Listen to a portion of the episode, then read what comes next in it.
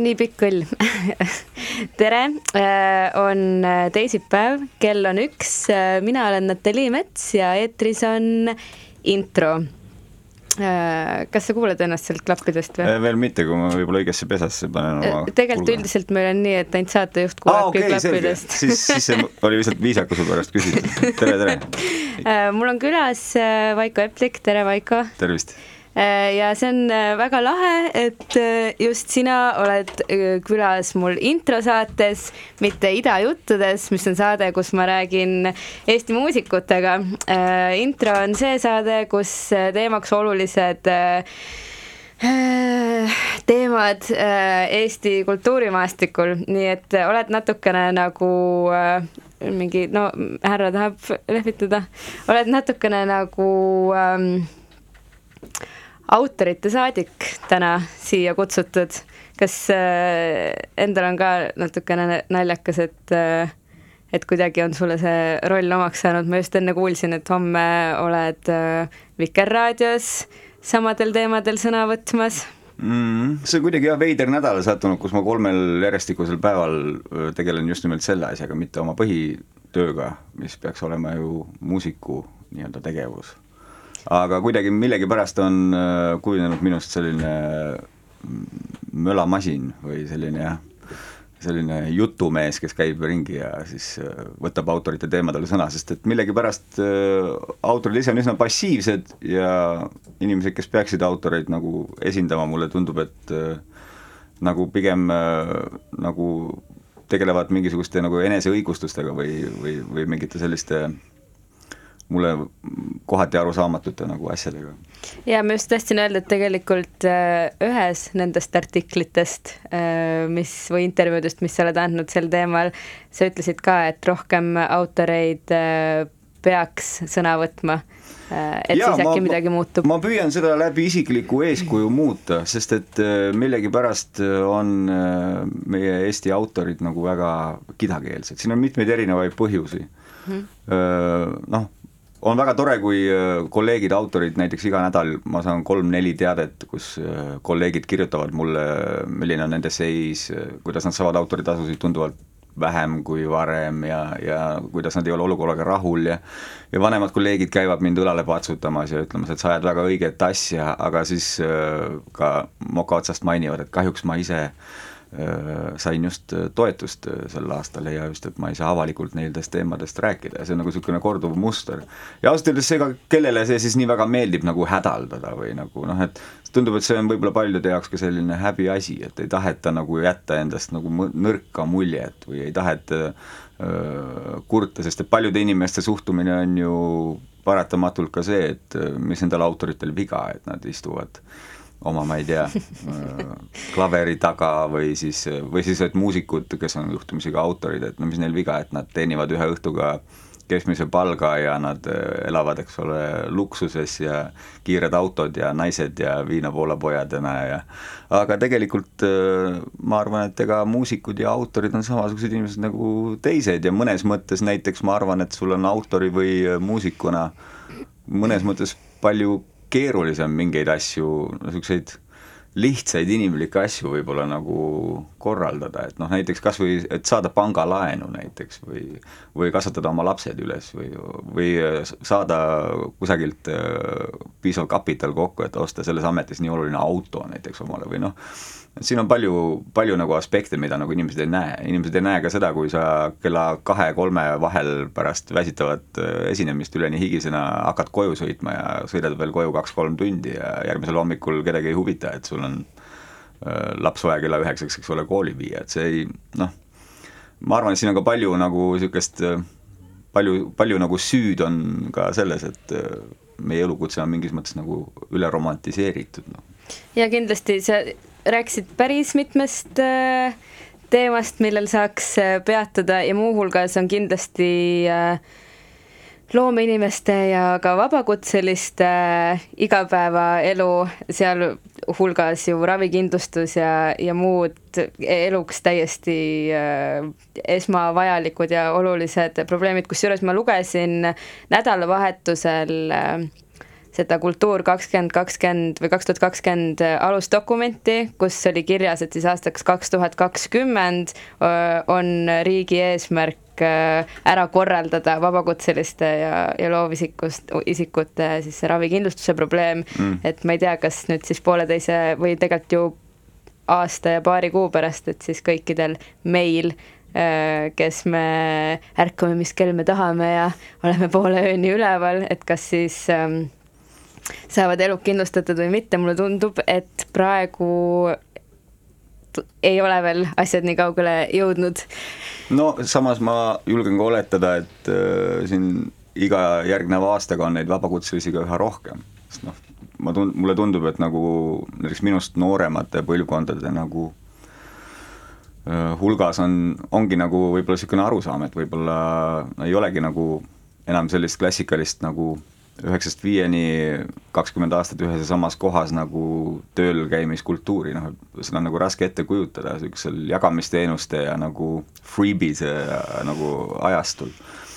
et äh, noh, ma just üks päev naersin selle üle, kuidas äh, see on veider, et nagu inimesed näiteks äh, autoritööd nagu tööks ei pea, paljud, aga näiteks me elame niisuguses paradigmas, kus nagu toidustilist on nagu täiesti tavaline, noh, on nagu täiesti nagu aktsepteeritud ja nagu vajalik amet, et noh, et siin on noh, see on juba omaette teema, mis asi üldse on töö tänapäeval ja, ja kes ja kus peaks nagu mille eest maksma, need on võib-olla jah, niisugused universaalsed teemad. see, see on täiesti omaette teema, ma olen ka mõelnud hiljuti, et pidevalt tuleb ju juurde ameteid Äh, ja hästi tasustatud ja palju nõutud ameteid, mida näiteks aasta eest äh, veel ei olnud ja noh, kõik on muidugi palju seotud äh, sotsiaalmeedia ja digiajastu ja kõikide nende valdkondadega, millest, milles me elame, aga millega me tegelikult ise veel kursis ei ole või mis nagu rohkem mõjutavad meid, kui meie oskame neid vastu mõjutada?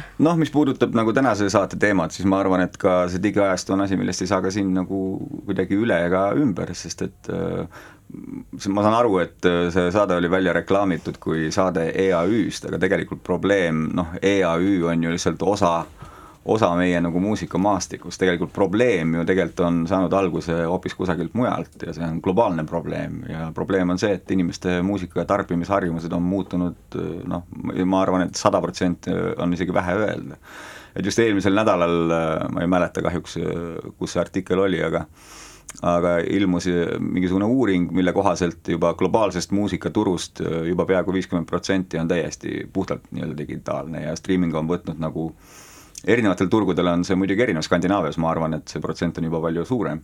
aga kui me võtame, et üldiselt meie globaalne muusikaturg on juba noh, jõudnud poole peale mm -hmm. nagu turuosast, siis ja, ja me tegelikult ei ole suutnud sellega, vähe sellest, et sellega kohanduda, me ei ole isegi jõudnud veel sellele nagu reageerida see on, see on pigem nagu see, kus need probleemid, mis ka täna Eesti autoreid ja esitajaid ja artiste puudutavad, seal on tegelikult need juured muidugi ei tahaks seda võib-olla probleemina näha äh.... sina võib-olla mitte, aga, aga noh, mina, mina, minu jaoks see on probleem no,. probleemina ma võib-olla siin tooks välja see lihtsalt oskamatuse ja, ja paljude puhul ka ehk soovimatuse olukorraga kohaneda või siis äh, leida mudeleid, mis äh, selles uues ühiskonnamudelis või inimeste harjumustega lihtsalt äh, kooskõlas oleks. et, et ala, kõik äh,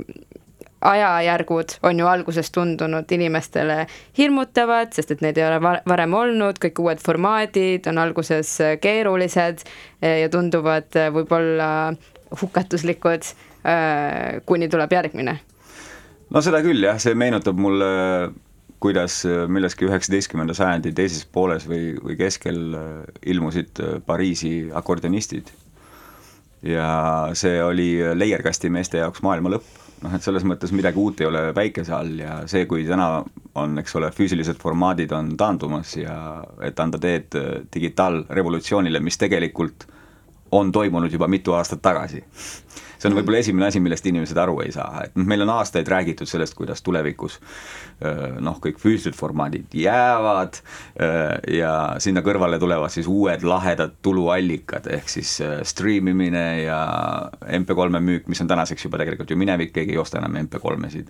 keegi, kellel vähemalt nagu nuppu on selles mõttes palju lihtsam on ju striimida kaheksa euro eest kuus, eks ole, kogu maailma muusikat, aga küsimus on selles, et noh kui näiteks Spotify'l on äh, äh, siin, ma ei mäleta täpselt, kas oli juba kümme miljonit kasutajat või, või oli see juba sada, ma ei, jumala, mul ei jää need numbrid meelde. aga äh. ühesõnaga, mul, mis mul meelde jäi, oli see, et nendest ainult kakskümmend viis protsenti on premium kasutajad mm. -hmm.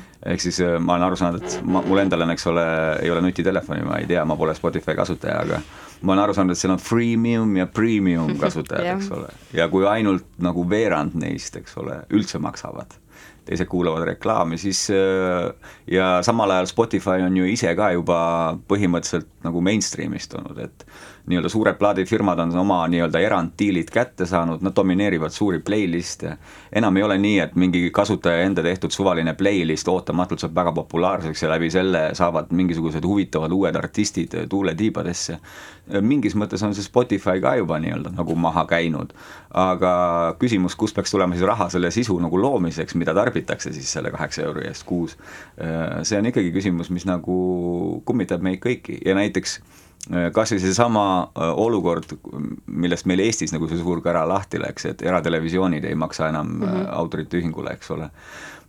siin on täpselt seesama küsimus, et eratelevisioonidest võib ju ka täiesti aru saada, sest et telekavaatajate hulk väheneb mm -hmm. ja vananeb, mis tähendab, et me näeme aastate, iga aastaga rohkem ja rohkem ravimireklaame, eks ole, prime time'is ja lõppkokkuvõttes tekibki küsimus, et, et miks meie, nad ei, isegi, nad isegi ei, ei saada ennast ju ise eetrisse. Eesti seaduste järgi nad pidid maksma autoritasusid, erateled ehk siis nagu programmi mm -hmm. nagu tootjad, kuna nemad müüvad reklaami ja annavad ennast eetrisse aga nüüd seoses selle digiboksi üleminekuga nad ei ole enam tegelikult enda eetrisse andjad, eetrisse andjad on nüüdsest äh, telekomi kompaniid. Ja eratelevisioonid tahavadki lihtsalt, et nende asemel maksaks siis neid tasusid äh, telekomi kompaniid, kellele nemad omakorda maksavad nagu äh, enda hinnangul siis, eks ole, ebaõiglasi tasusid eetris üldse püsimise eest et noh, ja siin ongi küsimus, et kõik need, äh, siin ei ole nagu nii lihtne öelda, et siin on nagu üks konkreetne osapool, kes on nagu süüdi ja kes nagu pidurdab seda süsteemi.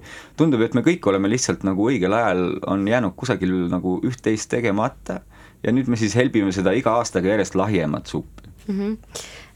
Jah, no kui rääkida nendest äh, telekom-ettevõtetest ja telekanalitest, et siis no nemad ju tegelikult ennekõike teevad ikkagi äri ja nende jaoks on oluline, et nende tulunumbrid oleks kõige suuremad, aga kui me nüüd tuleme tagasi konkreetselt Eesti autorite juurde äh, ja võib-olla äh, on hea, kui me korraks sõnastame selle probleemi hästi selgelt, et võib-olla need inimesed, kes ei ole Äh, kuulajate seas nii äh, teemas sees, saaksid aru, et äh, mis on see, mis nii, sind näiteks on sellel teemal sundinud sõna võtma?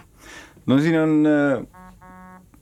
probleem, probleeme on mitu, aga peamised need probleemid, mis on siis, siis mind nii-öelda selle teema juurde toonud, esimene oli see, et selle aasta jaanuaris Eesti eratelekanalid lõpetasid autoritasude maksmise mis ei tähenda, et nad lõpetasid autorite teoste kasutamise mm, -hmm. aga nad lõpetasid maksmise. Kuus kuud hiljem andis siis EAÜ lõpuks sellest oma liikmetele teada, et neile enam ei maksta. ja sellest hetkest alates nagu on siis ette valmistatud kohtuasja, milleni veel ei ole jõutud. nüüd probleem on selles, et nii minu kui kõigi nii-öelda tuttavate autorite nii-öelda tasud, kellega me oleme, on õnnestunud neid tasusid võrrelda Äh, on kõik äh, nagu lähene, on kõik vähenenud mm. -hmm. Ja siin, siin tuleb aru saada sellest, et autoritasu ei ole mingi fikseeritud tasu, mis iga kuu on üks ja sama, tegelikult nad ei olegi nagu oma põhimõtteliselt kas sa nagu saad seda ka selgitada näiteks enda näitel viimase viie aasta lõikes? no ma tegin näiteks äh, eile just statistikat, ma arvutasin kokku oma eelmise ja praeguse aasta siis esimese üheksa kuu autoritasud ja mina olen kaotanud autoritasudes äh, natuke üle viiekümne protsendi.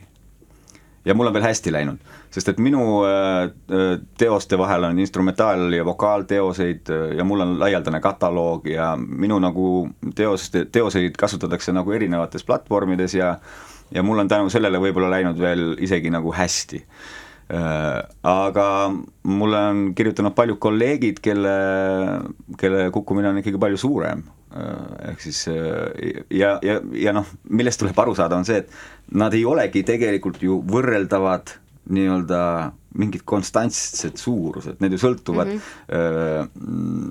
need sõltuvad ju sellest, kui palju su teoseid kasutatakse. aga näiteks ma võin öelda, et ma olen sel aastal näiteks noh, võrreldamatult rohkem muusikaliselt aktiivne kui näiteks eelmisel aastal.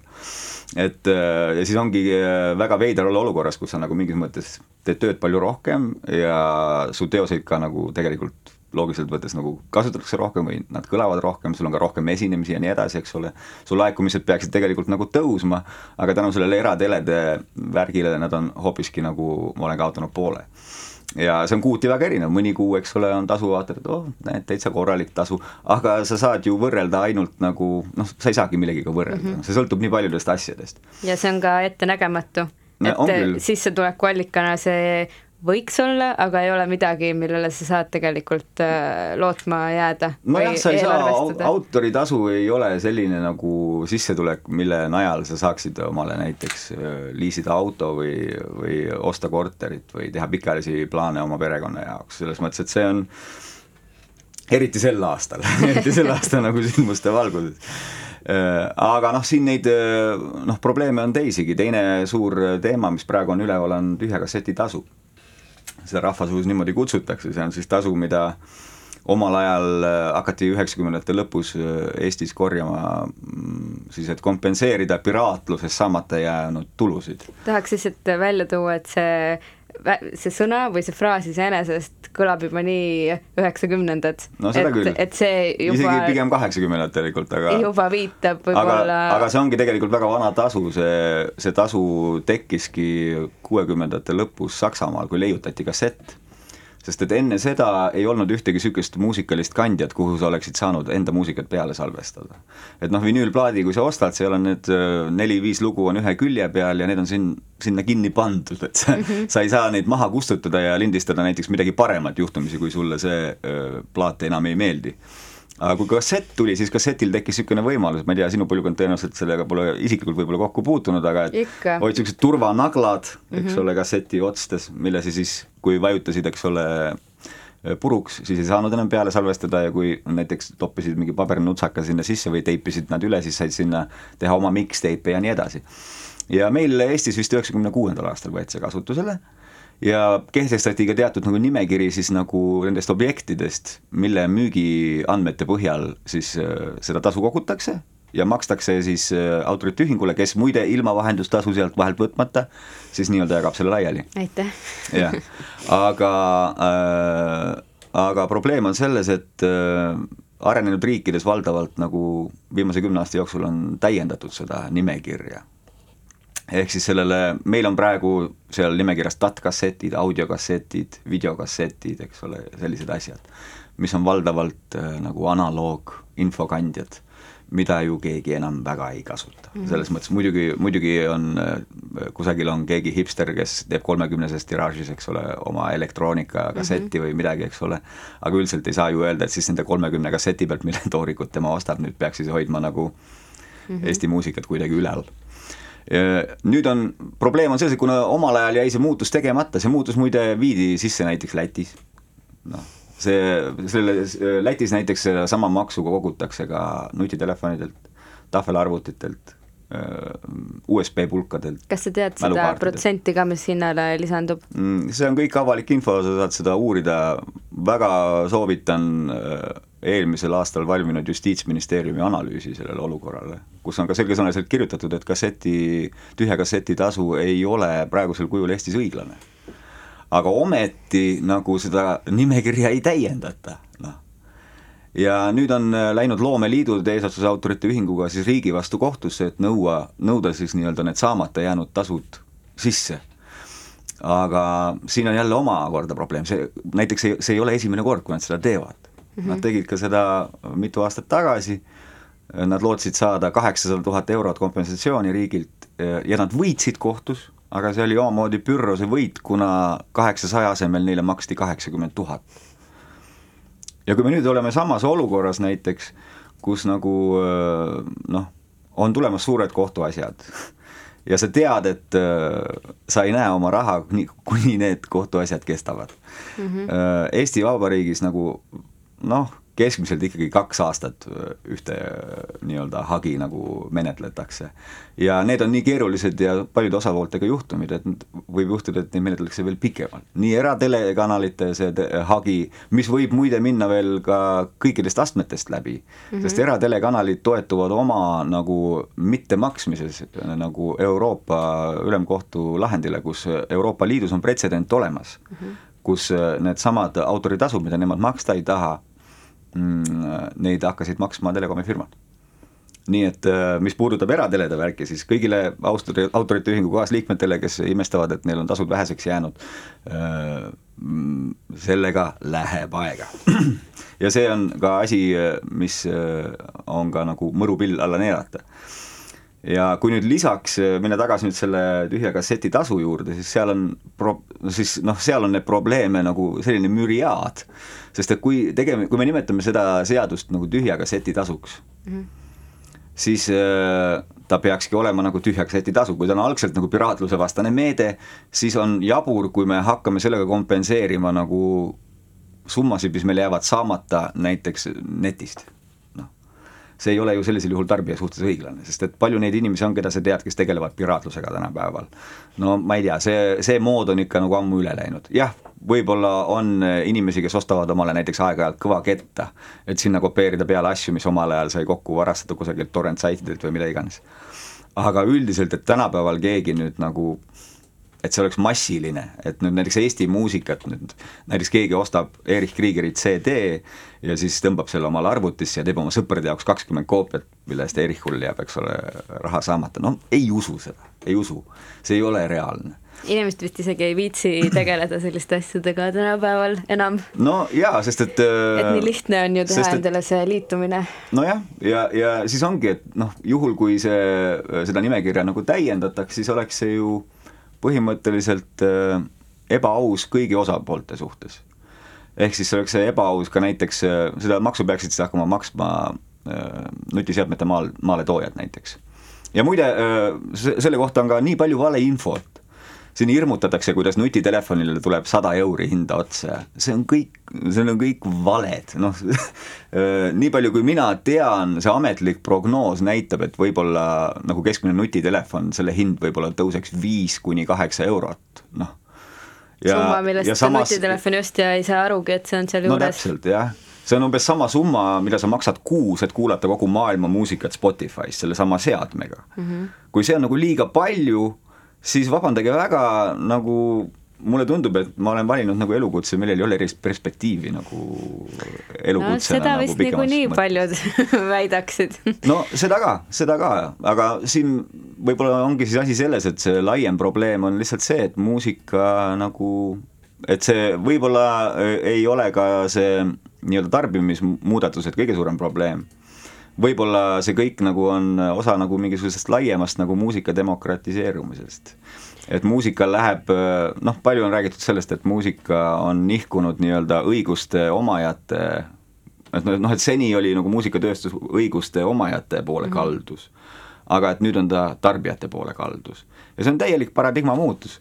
see on täiesti uus olukord ja me oleme siin küll viimased võib-olla viis kuni kümme aastat oleme rääkinud, et kunagi see kõik juhtub, aga nüüd me oleme olukorras, kus me peame tunnistama, et see juhtus juba kolm-neli-viis aastat tagasi ja me lihtsalt magasime selle maha.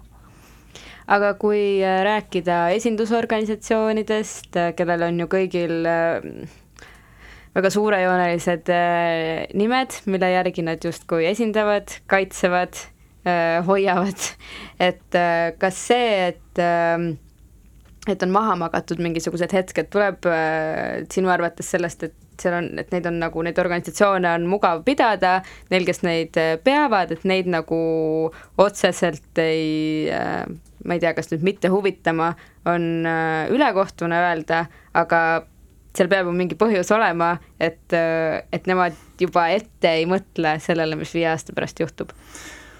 no sellel on ühest hinnangut anda ju täiesti võimatu, sest et no näiteks kui meil olid siin, ma ei tea, see oli vist aastal kaks tuhat neliteist, kui, kui oli arutlusel see tühja kasseti nimekirja nagu nii-öelda täiendamine, siis ongi noh, et kes oleks pidanud hea seisma siis selle eest, et, et seda nimekirja täiendatakse ja et autorid saaksid nagu väärilist tasu või siis kompensatsiooni. noh, raske on isegi öelda, kumb ta siis on, et kas ta on siis nagu piraat, taotlusest nagu tekkinud nagu tühimikku täitev nagu kompensatsioon või siis ta peaks nüüd olema mingisugune uus nutimaks, mis siis nagu aitab nii-öelda vastu pidada. või et noh, võib-olla seda maksu ei oleks üldse vaja, kui me saaksime Spotify'st ja Youtube'ist nagu autoritasusid, eks ole. ja mitte ainult autori, vaid ka fonogrammitasusid mm -hmm. ja esitajatasusid, eks ole et noh, see on väga keeruline öelda, mille taha see asi see siis jäi, et noh, võib ju süüdistada ka Eesti riiki et miks Eesti riik siis nagu ei täiendanud seda nimekirja, kui seda tegi Soome, kui seda tegi Läti, eks ole, noh, me oleme maha jäänud selles osas, me oleme nagu alaarenenud turuga riik muusika mõttes. ja mitte midagi selle, selle vastu, vabandage väga, noh seda ei saa eitada. Soomes näiteks on olukord lahendatud nii, et seda kassetimaksu nii-öelda maksab hoopis riik. ja riigi juurde on tehtud ka eraldi komisjon, kes igal aastal määrab, kui suur see tasu peaks olema sest et noh, praegu ongi, et noh, näiteks kui loomeliidud esitasid selle nõude peaaegu nelikümmend miljonit eurot, eks ole, nende vist viie aasta eest saamata jäänud tasusid, siis noh, ma saan aru nende nagu kiusatusest panna võimalikult suur summa, kuna viimati nad nõudsid kohtus mhm. kaheksasadat tuhandest ja said, eks ole, kaheksakümmend tuhat. et siis võib-olla nende loogika ongi see, et küsime neli miljonit aasta eest ja saame siis vähemalt nelisada tuhat, eks ole. aga, aga samas see ei tekita ka erilist nagu usku nagu või noh see eh, ei anna erilist lootust, et siis need probleemid saavad kiiresti autorite kasuks nagu lahendatud et eh, noh, väga raske on ka süüdistada siis EAÜ-d, et kas nad ole-, kas siis nad oleksid pidanud tegema paremat lobitööd või kas nad oleksid pidanud nägema seda pikemalt ette, palkama PR-firma ja nagu kujundama avalikku arvamust selles suunas, et nagu seda täiendaks. võib-olla on süüdi hoopiski nii-öelda tehnika maaletoojad, kelle lobitöö oli tugevam kui autorite oma. me võime, asi ei ole selles, kes on süüdi. Noh, see probleemi asetus nagu, et äh, saame kokku, räägime nagu sellest konkreetsest asjast, sest kõik probleemid tulevad sealt. Need on komplekssed äh, sellised nagu dünaamilised nagu probleemid, kus ei saa nagu selles, sellel ei ole enam, mind absoluutselt isiklikult isegi ei huvita, kes omal ajal nagu süüdi oli selles, et see nimekiri jäi täiendamata. mind huvitab see, kes on süüdi selles, et praegu see asi ei edene, noh et praegu valm-, eks ole, riigi vastu on jälle mindud kohtusse, aga riik ei ole ikka veel seda nimekirja täie-, täiendanud.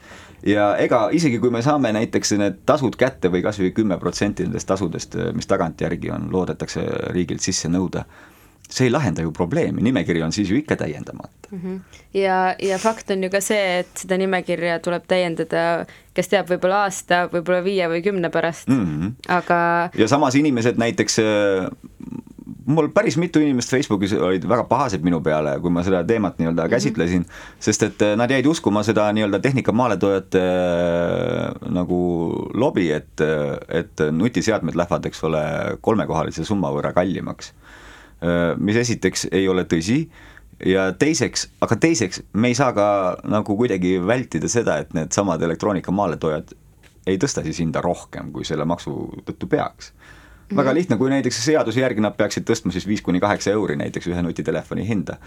ega me ei saa ka ju tagada, et nad ei tõsta näiteks kakskümmend protsenti või siis äh, vastavalt sellele, milline nende suva on.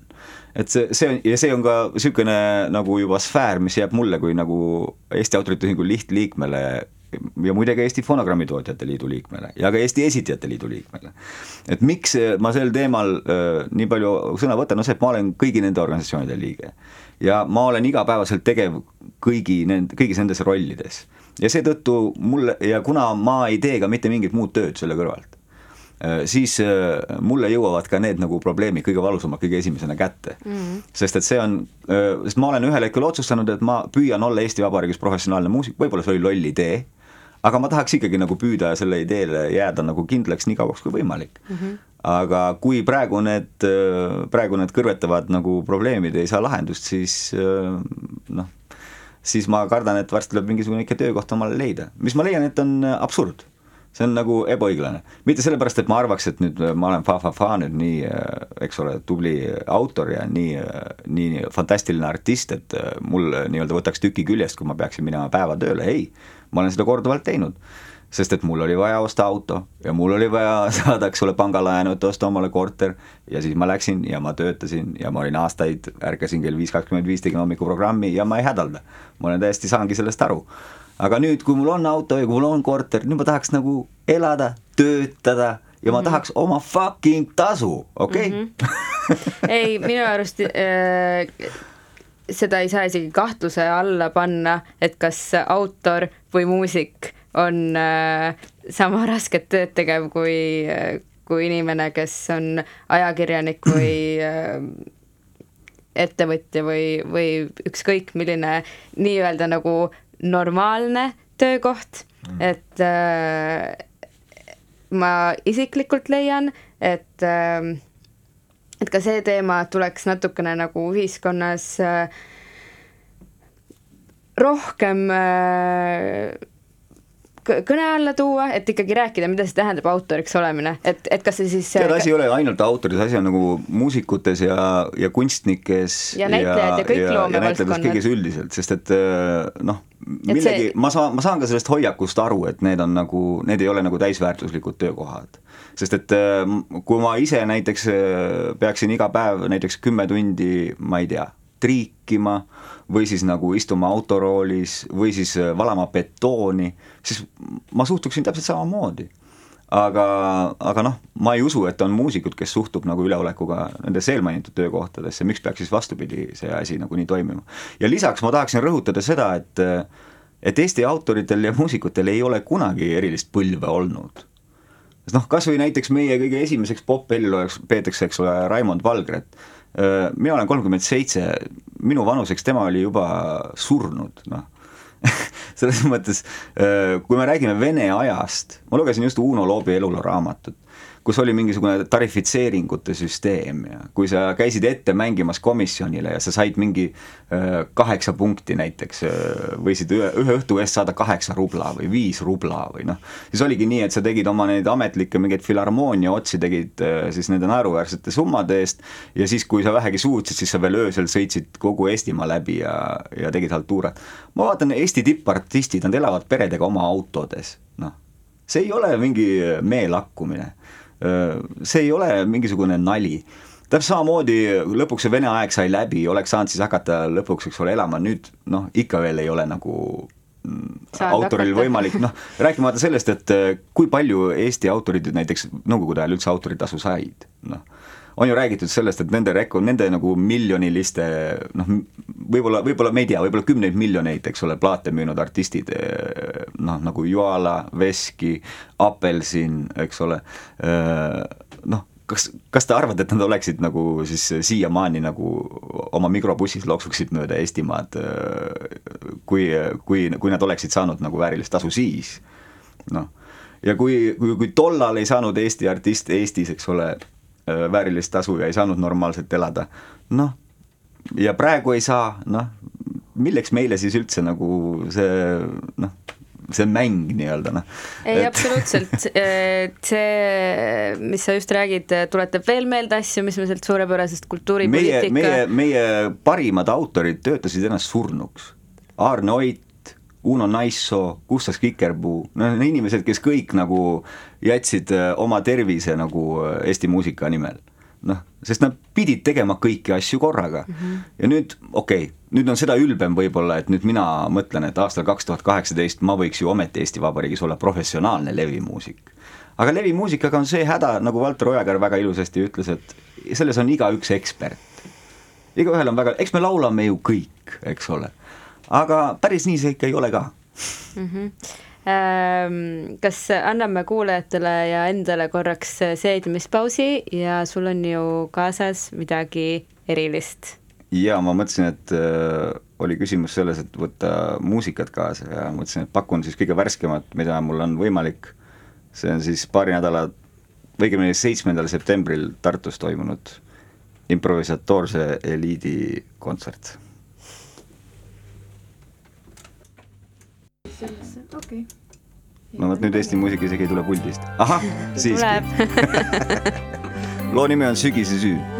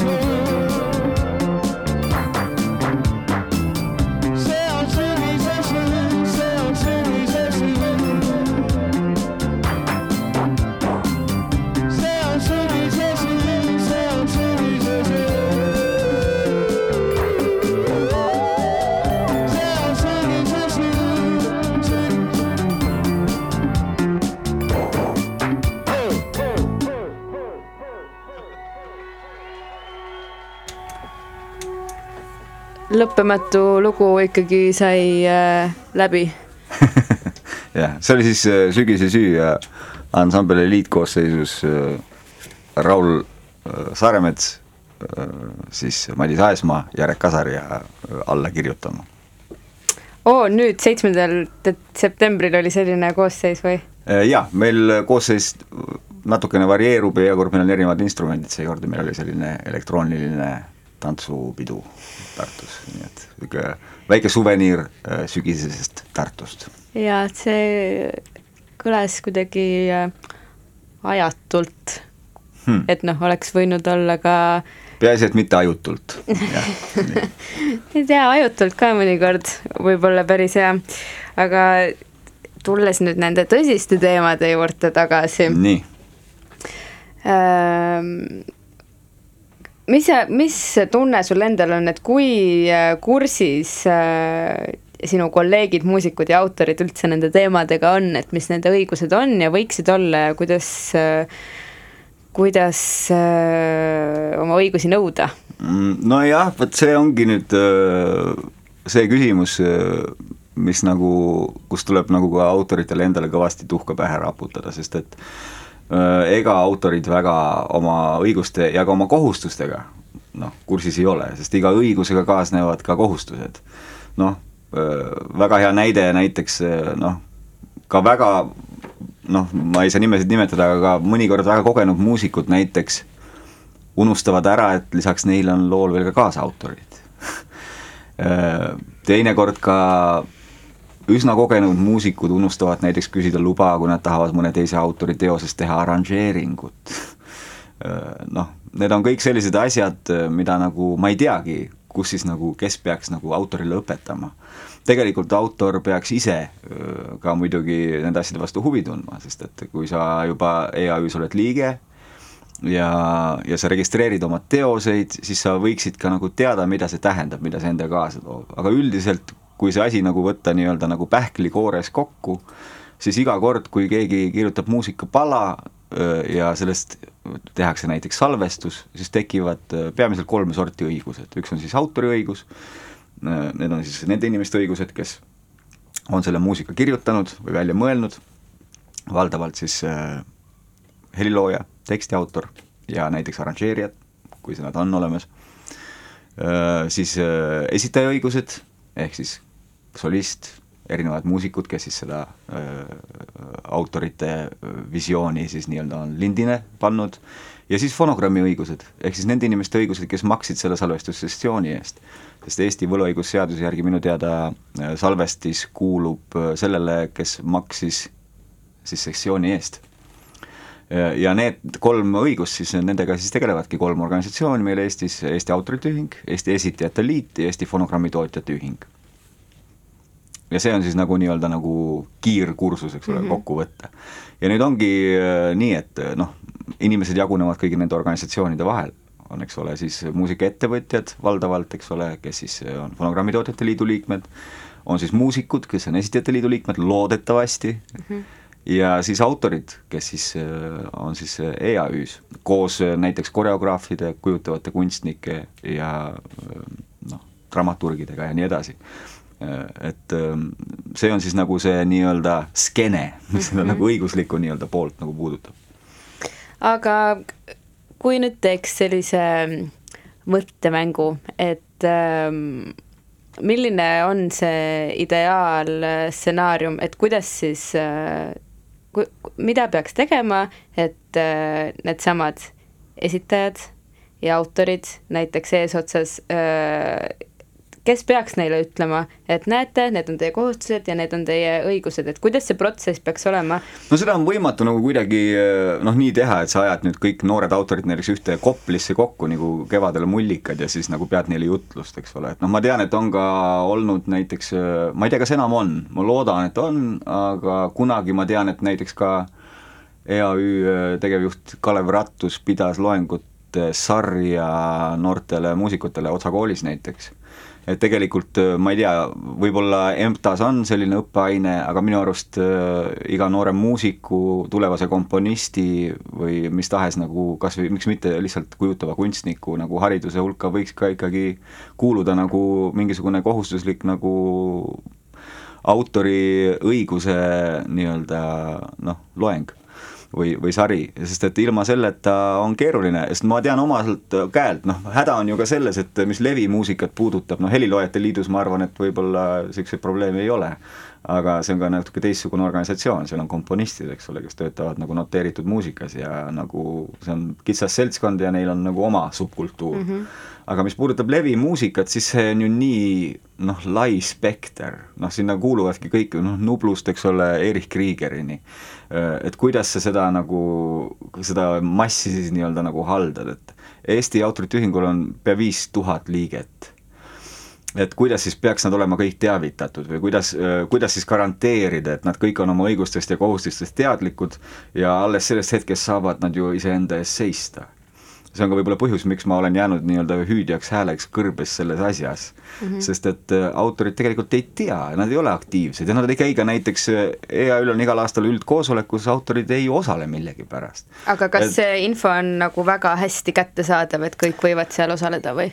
no ütleme nii, et see info on kõik EAÜ koduleheküljel olemas ja koosolekule kutsutakse ka nagu meili pidi kõiki mm -hmm. oma liikmeid ja aga ma pean ütlema, et ma pean ka ennast nahutama, sest et oma, ma olen olnud kakskümmend aastat EAÜ liige, ma, ma pole ühelgi üldkoosolekul käinud. aga järgmine kord lähen kindlasti. ja kõigi, ja kõigi teistele EAÜ liikmetele, viie tuhandele, kes te mind kuulete, ma ütlen ka, kui te pole olukorraga rahul, sellest on ka vähe abi, kui te mulle suitsunurgas kusagil patsutate õlale ja ütlete, et lase mhm. edasi, aga ma ise hoian suu kinni mm. -hmm. tulge koosolekule kohale. Ja kui teile jääb midagi arusaamatuks, küsige. Ja kui te ikka ei saa aru, eks ole, siis äh, noh, mida iganes, äh, lisaks on meil ju autoreid, kellel on juuraharidus. Noh, mul tuleb juba mitu tükki meelde, noh, ma arvan, et siin annaks nagu ikkagi midagi nagu ära teha, et ka see teadlikkus oleks suurem. sest praegune olukord, kus näiteks sel kevadel veebruaris osales EAÜ üldkoosolekul viie tuhandest liikmest kolmkümmend seitse, kolmkümmend seitse. Siis sellistes tingimustes ei olegi ju võimalik eeldada, et EAÜ oleks nagu laiapõhjaliselt nagu juhitud ja kaasatud organisatsioon. Noh, lisaks ikkagi noh, ma näen ka nagu probleemi selles, et kui on muutunud kogu muusikaäri, kui on muutunud kogu muusika tarbimine, kogu maailm, siis meie süsteem tegelikult viimase kolmekümne aasta jooksul tegelikult pärast iseseisvumist mingeid erilisi nagu muutusi lisaks sellele, et on, on tulnud mõned nagu ühingud juurde ja ei ole ju muutunud, ei ole isegi vahetunud inimesed, kes juhivad neid organisatsioone, noh okei okay,, Esitajate Liidul ja Fonogrammitootjate Ühingul võib-olla on tihedamalt, on olnud see õnn, et on leidunud inimesi, kes on suutnud selle töö võtta enda peale, aga aga võib-olla ei ole ka nagu hea, kui üks inimene teeb ühte tööd kakskümmend viis aastat, siis ta võib-olla hakkabki nagu nägema asju oma, pigem nagu oma organisatsiooni seisukohalt, mitte enda poolt esindatavate seisukohalt, sest ma tahaksin rõhutada, et äh, võib-olla ainuke nagu niisugune kohe tõsine etteheide EAÜ-le mulle olekski see, et ärge unustage, et see on autorite ühing mm. -hmm. ja äh, te põhinete oma tegevuses autorikaitseseadusele noh, seal need põhi mm, -hmm. põhi nagu komponendid selles nimes on autor ja kaitse, eks mm -hmm. ole, ja seadus. et noh, võib-olla oleks mingisugune nagu reform ikkagi nagu vajalik mingil hetkel. aga kuidas seda teha, kui me ei suuda isegi noh, tühja kasseti tasu nimistut nagu täiendada ja, ja noh ma, ma ei, ma ei näe siin ka ühtegi nagu lahendust, selles mõttes ma olen lollis olukorras, et ma nagu igal pool käin ja kraaklen kogu aeg. aga mida konstruktiivset ma saaks välja pakkuda, ma arvan, et see, need lahendused saavadki ainult kollektiivselt tekkida mm. -hmm. ja võib-olla siis peaks olema see EAÜ üldkogu see koht, kuhu siis pange oma kalendrisse kirja, autorid, tulge kohale ja katsume asja paremaks teha. ma arvan, et see on äh, umbes täpselt sisuliselt sisuliselt ma teen praegu äh, Eesti autoritele nii-öelda nagu tasuta PR-tööd. no aitäh selle eest. minu arust sa oled lobist, eks ole aga ma tahaksin praegu tegelikult istuda klaveri taga ja töötada ühe etenduse muusika kallal, mis mul juba ammu ootab järgi. no mina, mina lasen sul kaheksa minuti pärast äh, minna mhm. kirjutama mm, -hmm. aga, aga tegelikult see üleskutse on umbes täpselt see tulemus, millega ma lootsin selle saatega mm -hmm. jõuda, et äh, kõik oskavad äh, vinguda mm., öelda, et on väga halvasti ja siis, kui on tarvis hakata tegutsema, et siis on äkki nagu kiire jah, mis mina ja noh, see nagu ja samamoodi näiteks poliitikud, ma tahaksin rõhutada, valimised on tulemas, kusagil on viis tuhat Eesti Autorite Ühingu liiget, kes iganes võtab selle teema näiteks ära teha, ma arvan, et ta sealt midagi talle ikka pudeneb. selles mm -hmm. mõttes, et ja, ja veel kord kõigile autoritele, mina üritan lihtsalt hoida teemat üleval. Sest mina tegelikult ju võitlen ainult iseenda eest mina ei ole mingisugune Eesti autorite nii-öelda mingisugune hea haldjas, kes käib mm -hmm. ringi, ma tahaks lihtsalt nagu, et minu töö oleks võimalik ja et mul oleks võimalik äh, nagu enda tasu kätte saada, mitte et ma tahaks rohkem. aasta inimese tiitlit ei taotle selle ei, absoluutselt mitte, absoluutselt mitte. minu, minu huvi on lihtsalt täiesti isiklik ma lihtsalt tahan, et mul nagu ei jääks iga kuu lõpus midagi puudu kusagil mm. -hmm. ja et ma ka nende teoste eest, mida kasutatakse, saaksin ka oma raha kätte sest okei okay,, kui oleks üks kriis korraga, ma võib-olla elaksin selle üle ja kannataksin välja, aga kuna meil on nagu nii mitu nii-öelda nagu seda kriisi on korraga käimas mm, -hmm. ja tundub, et need on ka kõik pikaajalised ja väga raskesti lahendatavad asjad, siis äh, minu üleskutse on see, et äh, kõik autorid, kes te pole rahul ja ma tean, et teid on palju, võtke asi kätte, olgem aktiivsemad ja katsugem midagi siis nagu reaalselt ära teha. no fakt on see, et sellised äh tegevused vajavad alati ka eestvedajat, et äh, lihtsalt võtta need viis tuhat, ütleme, kellest äkki pooled või veidi rohkem ei ole rahul ja siis panna koos jooksma ja tegutsema, et see tundub natukene võimatu, aga mm, miks ei ole sa veel liitunud äh, Eesti Autorite Ühingu asemel mõne teise riigi äh, sarnase organisatsiooniga?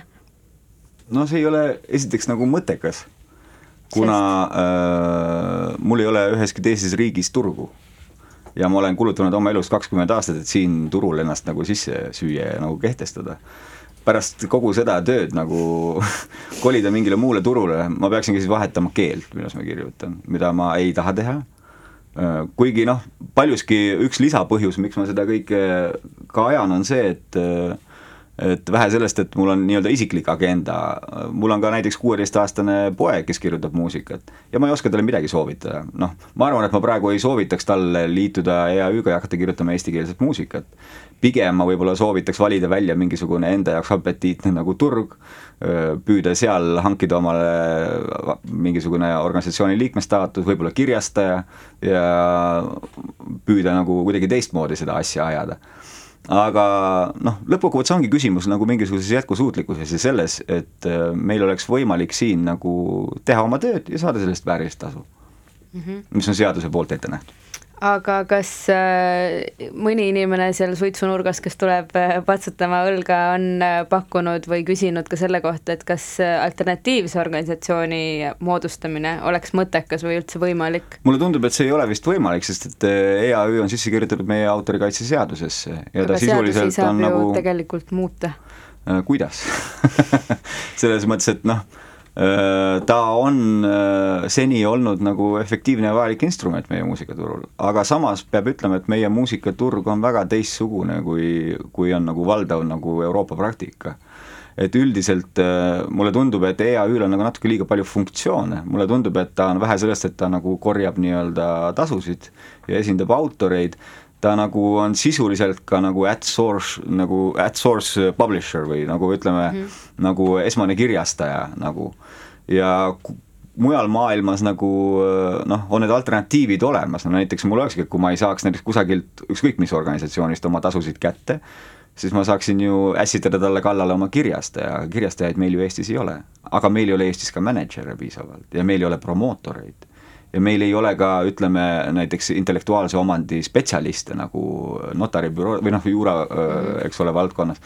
Meil on nii palju erinevaid puudujääke, meil on väga säravaid artiste, meil on fantastilised autorid, näitlejad ja nii edasi ja nii edasi, kunstnikud, aga meil on nagu infrastruktuuris on sellised nagu, sellised puudujäägid, et noh, ühe, üks Helen Sildna ei suuda ju ka kogu Eesti muusikat nagu maailma eksportida, eks ole, või noh, üks äh, mingisugune näiteks Oljum ei suuda ju ka kõiki Eesti bände viia, eks ole, mikrobussiga mööda Euroopat kolisema, eks ole, noh, et äh, meil oleks äh, vaja nagu, meil, meie, meie nii-öelda see infrastruktuur on kuidagi kängitsetud, me oleme kuidagi nagu, ei ole õigel ajal nagu tekkinud mingisuguseid selliseid klasse, mis nagu oleks aidanud seda asja edasi viia.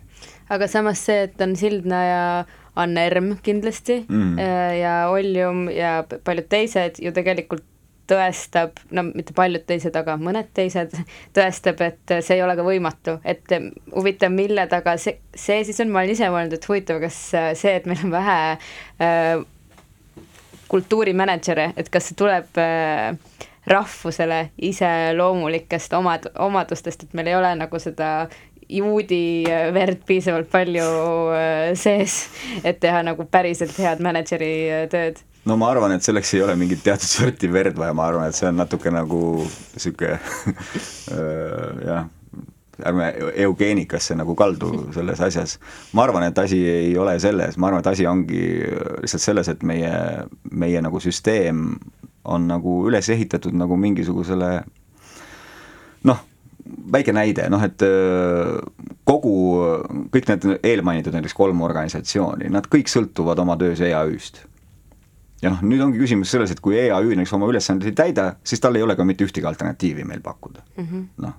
ja nüüd ongi küsimus selles, et kas meil on siis vaja nagu mingeid alternatiive või näiteks mis saab siis näiteks nende autoritega, kes Eestis küll tegutsevad, aga ei ole Eesti Autorite Ühingu liikmed näiteks et noh, et või kas, kas, kas nad, kas neid peaks sundima siis hakkama või või, või need loendamatud noh, need konfliktid erinevate festivali ja kontserdikorraldajate vahel, kes ei taha näiteks oma esinejatele maksta läbi EAÜ, vaid arveldada otse, neil on juba mingid eelkokkulepped, juba on kirjastaja kusagil ootab, eks ole, Kuku Raval ja millal see raha tuleb, aga see ikka peab käima kusagilt läbi, ikka läheb sealt vahendustasu maha, see on samas ka ju täiesti nagu möödapääsmatu, ka kõigis mujal, igal pool mujal riikides on ju samamoodi tulukorraldajad korjeorganisatsioonid, kus samamoodi Eesti autorite raha peaks voolama siis EAÜ kaudu Eestisse tagasi mm.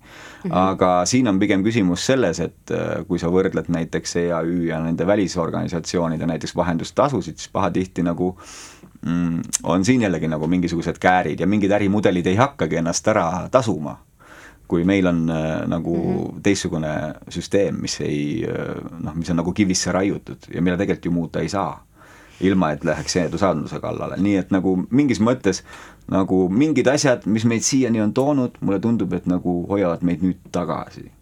ja, ja veel kõige tipuks muidugi see, et mis puudutab Spotify'sid, Google'it, Youtube'i, siis need on küsimused, mis kõigepealt peavad leidma Euroopa plaanis ja. oma lahenduse, enne kui me saame üldse seal kusagil käpa vahele. no õnneks need on nüüd ka seal Euroopa tasemel väga äh, Äh, tulis. Nad on küll, aga kahjuks meie äh, Europarlamendi saadikutest nagu ainult üks hääletas nagu autorite poolt, see oli Tunne Kelamet, ülejäänud kõik hääletasid korporatsioonide poolt, nii et ma ei oleks ka väga optimistlik selles asjas. aga päikest ma lõpetaks selle saate nii, et äh, varastame näiteks natukene veel järgmise saate ajast, ehk siis mängime veel muusikat, aga kõigi kuulajatega kohtume EAÜ koosolekul. absoluutselt. aitäh, Vaiko! veebruaris näeme, raisk